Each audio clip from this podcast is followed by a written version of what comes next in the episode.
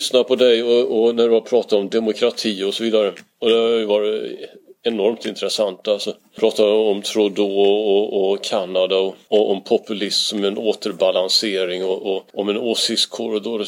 Det jag tyckte var jätteintressant det är de här tankarna du har kring en heteronisering av samhället. Den är ju inte så, den är ju normala.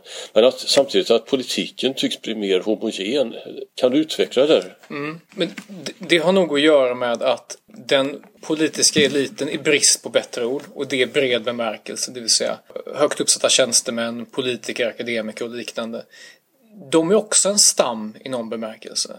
Där de har ett sätt att prata, de har ett sätt att, att, hitta sociala sammanhang, de använder vissa ord, vissa sociala koder och liknande. Och det är inte konstigare än att i ett heterogent samhälle så hittar du olika stammar och kulturer och personer som, som, som har olika sociala markörer. Och det är inte konstigare än att även den politiska eliten blir väldigt, är lika, mer lika varandra. Och i takt med att hela samhället blir mer heterogent då finns också risken att de blir mer annorlunda än vad de var tidigare. Det vill säga det kanske var lite enklare att approchera en politiker och vice versa för att det fanns större likheter mellan Tage Erlander och den genomsnittssvensk på 50-talet. Men det är mycket större skillnader idag. Och det, det, det gapet, den olikheten måste ju hanteras på något vis. På samma sätt som ekonomiska ojämlikheter kan skapa enorma problem. Så kan heterogeniteten skapa problem för att man inte förstår varandra eller det språk som politiker använder framstår som så främmande från hur man själv talar eller vad man menar. Och det här värdegrundsspråket som jag har skrivit om tror jag är en del av det här kanske. Att man, man talar i, i floskler som är en sorts kod för eh, som är, den är svår att dechiffrera för andra. Ja, detta med värdegrund är ju, det är för mig som du säger, det är en kod. Alltså för mig är det obegripligt egentligen. Det är egentligen en värdegrund, som jag uppfattar det. Det är ett sätt att tala om att de här sakerna pratar vi inte om. Vi, har en mm. åsikt, punkt slut. Och det kallar vi värdegrund. Alltså jag, jag har känt mig allergisk mot det här mm. ordet. Jag vet inte hur du uppfattar det. Jag, jag brukar likna det vid en sorts sekulär religion. Det vill mm. säga man har de här olika dokumenten då som, som är på något sätt är tänkt att vara neutrala, liksom minsta gemensamma nämnaren som vi alla ska skriva under. Men i de dokumenten så kan man ju smyga in saker som inte alls är minsta gemensamma nämnaren utan i själva verket borde diskuteras och tas upp till liksom någon sorts demokratiskt, demokratisk kontroll. Det vill säga att man faktiskt träter om dem mer. Men det är en sekulär religion i den bemärkelsen att så länge man lär sig att rabbla det, ungefär som man rabblar liksom i ett husförhör, katekesen, mm. så är man ju en del av stammen. Mm. Och det tyckte jag var väldigt tydligt när det var den här famösa intervjun med kulturministern som Sten Oskarsson gjorde på Svenska Dagbladet. Att kulturministern rabblade orden. Och hon visste hon skulle rabbla mänskliga rättigheter, allt det här. Men när hon sen skulle förklara vad det innebar, ja. då saknade hon ord. Och jag menar att det här är ett bra exempel på att man behöver inte förstå trosbekännelsen. Man behöver bara kunna rabbla den och det är det som krävs för att du ska vara en del av den stammen, den politiska eliten och så vidare. Och det är ju en nackdel för att jag tror det räcker inte för att alla köper inte den här trosbekännelsen. Och det vore i alla fall sympatiskt om man kunde försvara den. Mm. Nej, men du har rätt, för att vad får du ett politiskt samtal som består i att man byter tomhet med varandra i sånt fall. Mm, ja, precis. Alltså, man, man, man byter någonstans signalen, ja, men du accepterar mig, jag accepterar dig och så bara bekräftar vi varandra lite grann. Jo, det är de politikerna som finns i det rummet och de journalister som finns i det rummet. Och de bekräftar varandra för de tycker samma sak. Men det är klart att det får ju förfärliga konsekvenser om du har ett samhälle som blir allt mer heterogent. Och, och dessutom, där, där du då i det samhället har egentligen, även om du blockerar människor på Twitter och Facebook så har du ju hur många uttrycksformer som helst. Alltså hur hanterar man det där? Det blir ett samhälle som bara skapar alienation. Mm. Det finns ju flera, flera processer här som, som gör det här väldigt svårt. Och det ena är att mängden egna kanaler är så stor nu. Mm. Behöver ju inte längre delta i ett gemensamt offentligt rum. Du behöver inte ens anstränga dig. Du, du, du, kan helt checka ut. Och det är det ena, att, att vi, vi, får fler valmöjligheter samtidigt som vi blir mer olika. Och därmed så minskar också förståelsen. Och det, det, går, det går inte att skruva tillbaka klockan när det kommer till sociala medier och smartphones. Och vi upprätthåller ju ändå någonstans... Det, man, det finns ju försök, alltså, de gamla medierna har ju inte försvunnit än. Mm. Men de används ju av en allt mindre andel av befolkningen. Mm. Man kan faktiskt se, vilket jag tycker är lite, lite sorgset, man kan se, det börjar sig repa sig nu, men minskningen i partimedlemskap går ungefär parallellt med andelen pappersprenumeranter i samhället. Alltså finns det en sån korrelation? Ja, alltså det här, det här är ju väldigt anekdotiskt för mig efter att ha tittat på de här. Alltså jag, jag, det finns ingen vetenskaplig säkerhet här, men de, de går ungefär parallellt. Ja, det, är ju, det, det, det, det som var när du hade de där tidningarna och så vidare, det var ju en gemensam verklighet. Precis.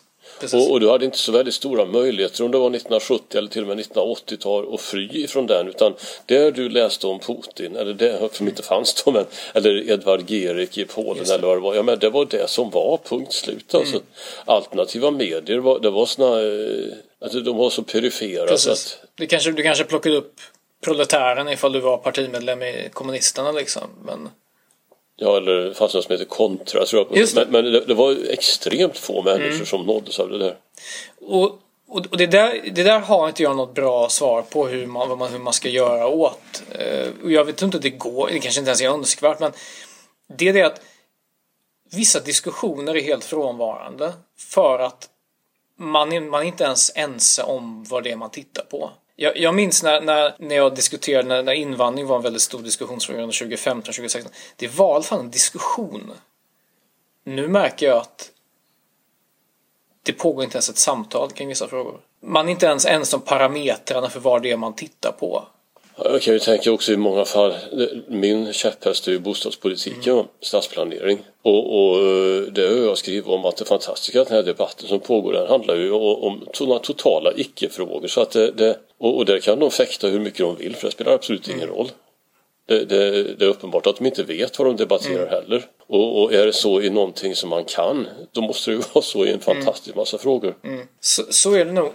Sen, någonting jag inte tog upp, jag pratade tidigare, men som jag skulle vilja ta upp här är mm. att de diskussioner som förs av den politiska klassen inte nödvändigtvis samma frågor som, som, som diskuteras i resten av samhället. Alltså, jag har märkt från, från medieperspektiv att alltså, har man så diskussioner av, liksom, som handlar om bostadspolitik exempelvis eller något, något som är viktigt och tungt, oftast rätt ekonomiskt. Det är ingen som bryr sig om det. Nej. Är det en, en värderingskonflikt eller har att göra om identitet, kön, ras, den sortens frågor, så är det, det är dynamit. Och det tror jag om, om de senaste två decennierna har varit kampen mellan folk och elit och populism och hela den grejen. 2001 innebar, tror jag, materialismens död i offentligheten. 9-11 ägde rum.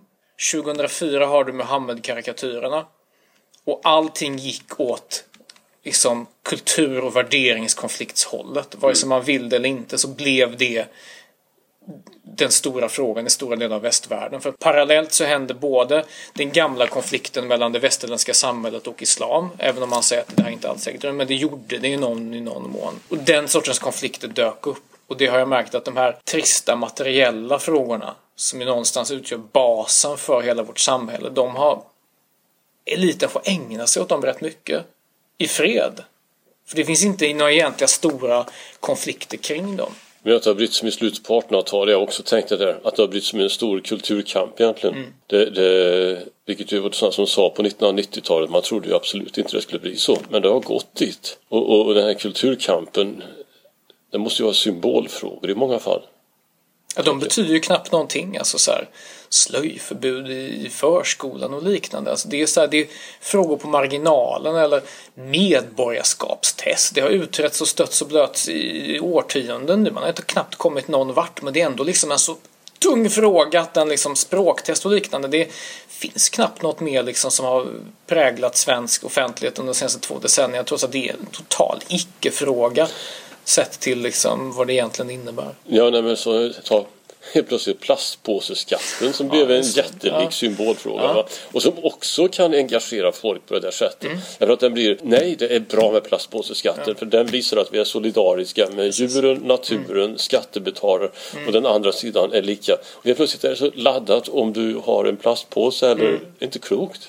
Jo men för det är för att på något sätt så har alltså, det har gjort något med oss att det, det, det privata har blivit politiskt. Och plastpåseskatten är ju miljöfrågans variant av det. det hur mycket ska individen ta ta, ta ansvar här? Vilket ju, jag, jag tycker är någonstans en absurd fråga för att enskilt så är vi obetydliga som miljökämpar.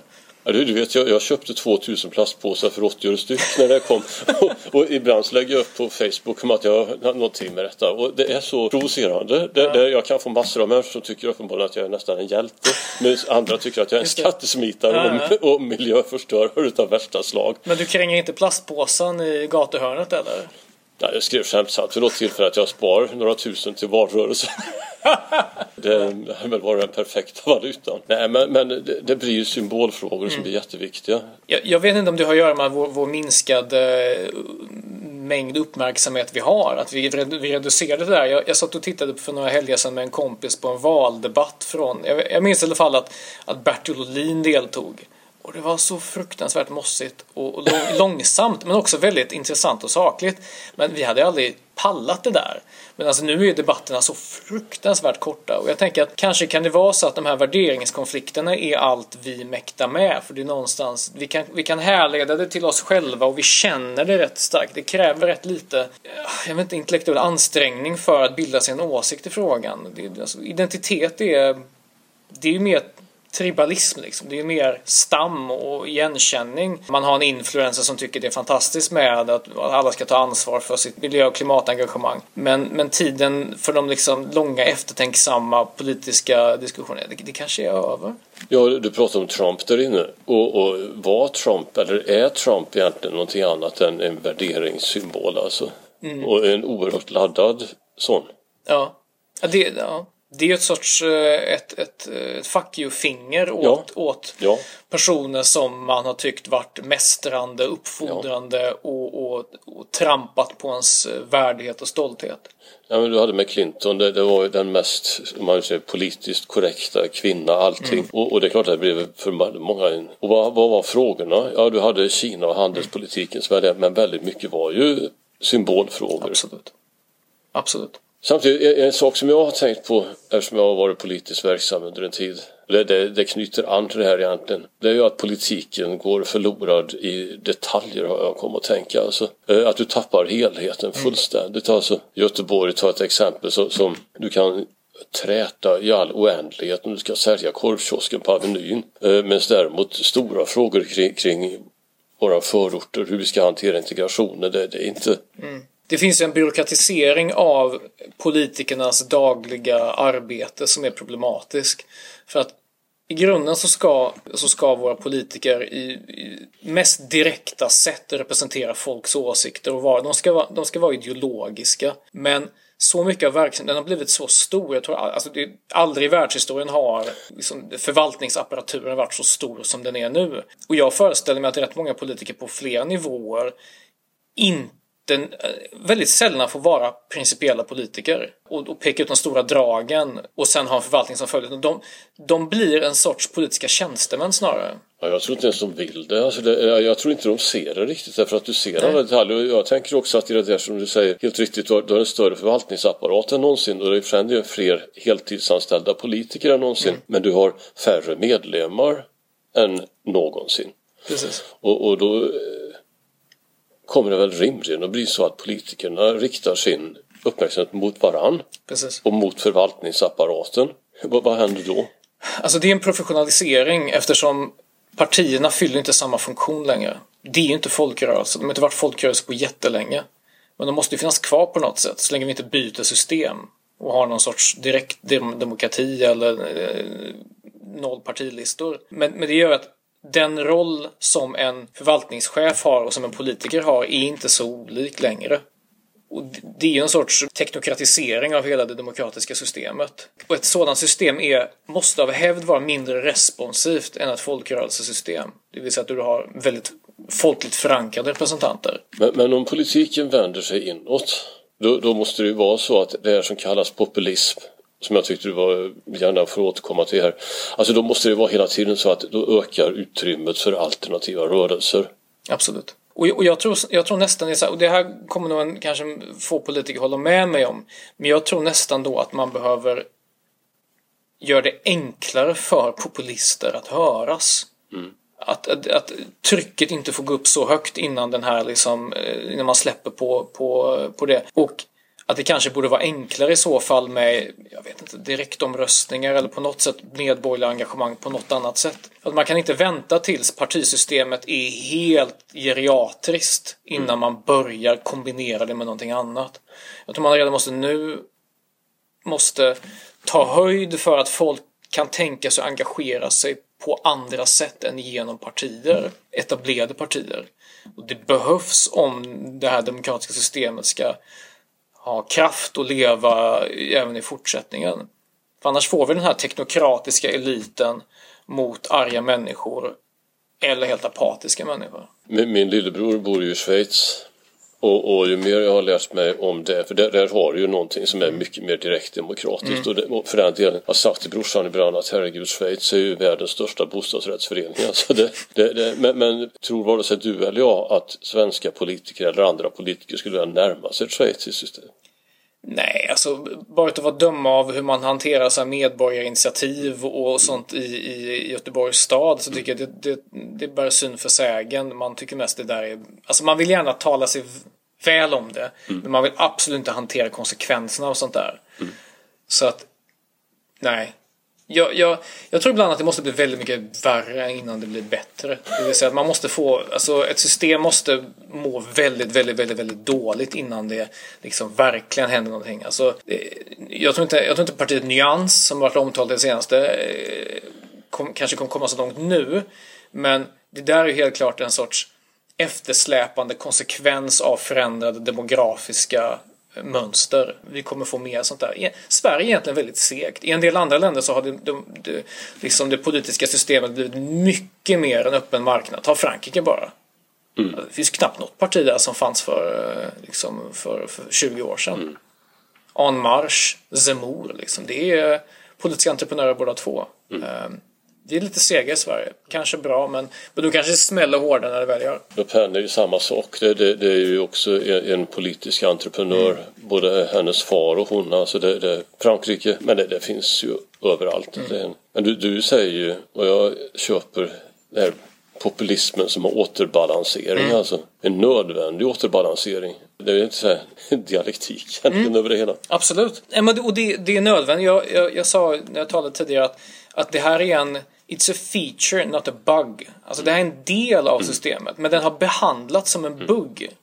Och det har gjort det har gjort många människor väldigt arga. Att de har behandlat deras demokratiska rättigheter har behandlats som någonting abnormt och farligt och, och suspekt. Och det tror jag uppriktigt har sårat många människor och gjort dem bittra helt i onödan faktiskt. Det hade inte behövts. Men det, det tyder ju på att man är distanserad. Jag, jag, vet hur det känns när man är i den här politiska stammen och så kommer det några oborstade typer som talar brutalt och de har de här finkänsliga kodorden och ingenting och de vet inte sitt eget bästa. De är liksom, åh, fan ska man lyssna på dem? Nej men då, då öppnar ju också eh, den politiken ett jättelikt utrymme. Det är ju bara att titta på, på det som hände i Göteborg förra. Absolut. Alltså det öppnar ju jättelika flanker. Mm. Men, men jag, jag gjorde ett arbete, en grej för höll ett anförande för, för ett alternativt parti i Karlstad. Och, och de, de ville jag skulle snacka om det som brukar kallas missnöjespartier. Jag kallar hellre alternativa partier. Alltså. Och, och dels blev jag förvånad över hur lite som har gjort om sådana partier. Men det jag såg snabbt det var att det fanns rätt många sådana redan på 90-talet. Men det har varit en otrolig mm. omsättning på dem de sista 20 åren. Det känns ungefär som att ja men okej, du, du i den här kommunen, låt oss säga Vårgårda, du, du upptäcker att här har det, det fattas någonting. Skolan har en dålig och så startar du en Facebookgrupp och så får du 4000 medlemmar och sen har du alternativ vårdgårdar mm. på, på. Det är så kostnaden för mm. och, och den verkar ha fallit enormt också. Ja, men det finns fortfarande en kostnad som förblir statisk. Alltså ja. även ifall man, man kan säga så här. Maskinerna har blivit billigare. Ja. Men regleringen av marknaden är likadan. Mm. För du har fortfarande bara val vart fjärde år. Mm. Och det finns fortfarande en tröghet på marknaden. Alltså om du jämför det med hur, hur disruptorer funkar i, i, liksom i andra marknader. Alltså jag vill inte ta eh, Avanza träder in på banksektorn och tar alla aktieinvestorer. För det är inte en jävel som vill köpa aktier via Nordea eller Danske Bank. För det är liksom system och UIN från 90-talet. Där finns också en tröskel. Banklicens och liknande. Men politiken har, även ifall maskinen för att organisera sig har blivit i stort sett gratis. Så finns det fortfarande en reglering inbyggd i systemet som gör det rätt svårt. Att komma över. Men alltså så här, första steget är redan gjord. Och jag tror nog inte att det ligger ju inte i de etablerade partiernas intresse att sänka tröskeln exempelvis. Eh, eller göra det enklare att registrera partier och sånt där. Man vill alltså höja tröskeln för att se till att det inte kommer in nya aktörer på marknaden. Men det finns ju helt enkelt ett, ett tryck på att göra innovationer. Så I det avseendet så är politiken en rätt rigid marknad. Men, men den kan inte stå ut för evigt. Eftersom du bara kan göra det här köpet vart fjärde år Mm. Så, så får du en tröghet som du inte får när du ska köpa en eltandborste direkt. Ja. Alltså det, det. Men, men, och sen så är det dessutom så att när du, om du lyckas med det där då blir du naturligtvis en del utav det politiska. För det, det var enormt när jag tittade på detta hur snabbt de alternativa partierna har omsatts mm. under de sista 20 åren. Det var det snarare än att mängden hade förändrats. Mm. De, de verkar som att de byts ut vart fjärde eller vart åttonde år. Alltså. Mm. Det, det, och det, där, det finns ju, jag ställer mig frågan varför. Varför, varför de omsätts så snabbt? Ja, det, eller? det, ja jag funderar över det. Alltså det, det, det, finns ändå någon, en fördel för etablerade partier att de redan är etablerade. Alltså de har, alltså som, som eh, legacy-företag inom stora branscher så har de en vana av att sitta mm. där och mm. förstå hur det fungerar. De har byggt upp liksom det här kapitalet av, av kunskap. Och partier som ofta så är, jag tycker det är ett bra begrepp som du säger, alternativa partier. De tilltalar ju folk för att de är rena, de är mm. obefläckade. Mm. Och sen så hamnar de i maktposition och då förlorar de kanske sin främsta USP. De måste snabbt mm. förvandlas mm. när de väl hamnar på marknaden. Då har de fått sin andel och de kan inte köra på det som inom partiforskning kallas för appeal to purity. Det vill säga att de tilltalas för att, eller de tilltalar människor för att de är rena. Utan då måste de bli ansvarsfulla. Och sen framstår de som lika korrupta som alla andra. För det på något sätt det hör till sakens natur att när du väl sitter på makten så kommer du bli tvungen att handskas med maktens alla villkor. Och de slipade rävarna, de vet hur det här går till. Och de, de vet eh, så att säga, vad de ska göra för att överleva. Så de kanske får sig en smäll motsvarigheten i Göteborg då att Moderaterna får sig en riktig smäll av Demokraterna som tar deras marknadsandel. Men Demokraterna, eller Moderaterna har varit där ett tag. Liksom. De har långdistanslöparperspektivet på den här, i den här mm. branschen. Så att det är fortfarande en marknad om vi ska fortsätta med det språkbruket. Det tycker man ändå kan göra. Det är svårt att... Det är lätt att slå sig in, svårt att stanna. Mm. För att villkoren så snabbt förändras när du är ett löfte mm. till att du är en ansvarstagande person som ska vara, sitta kvar där i sam, samtalsrummet. Liksom. Ja, nej, det, det, det är spännande politisk verklighet och, och så här, det var väldigt roligt att ha dig här ikväll och, och det har varit kul att snacka med dig nu efteråt. Och som sagt, nu får du ha stort tack för att du var här. Nöjet på min sida, Jan. Tack, tack så mycket. Tack.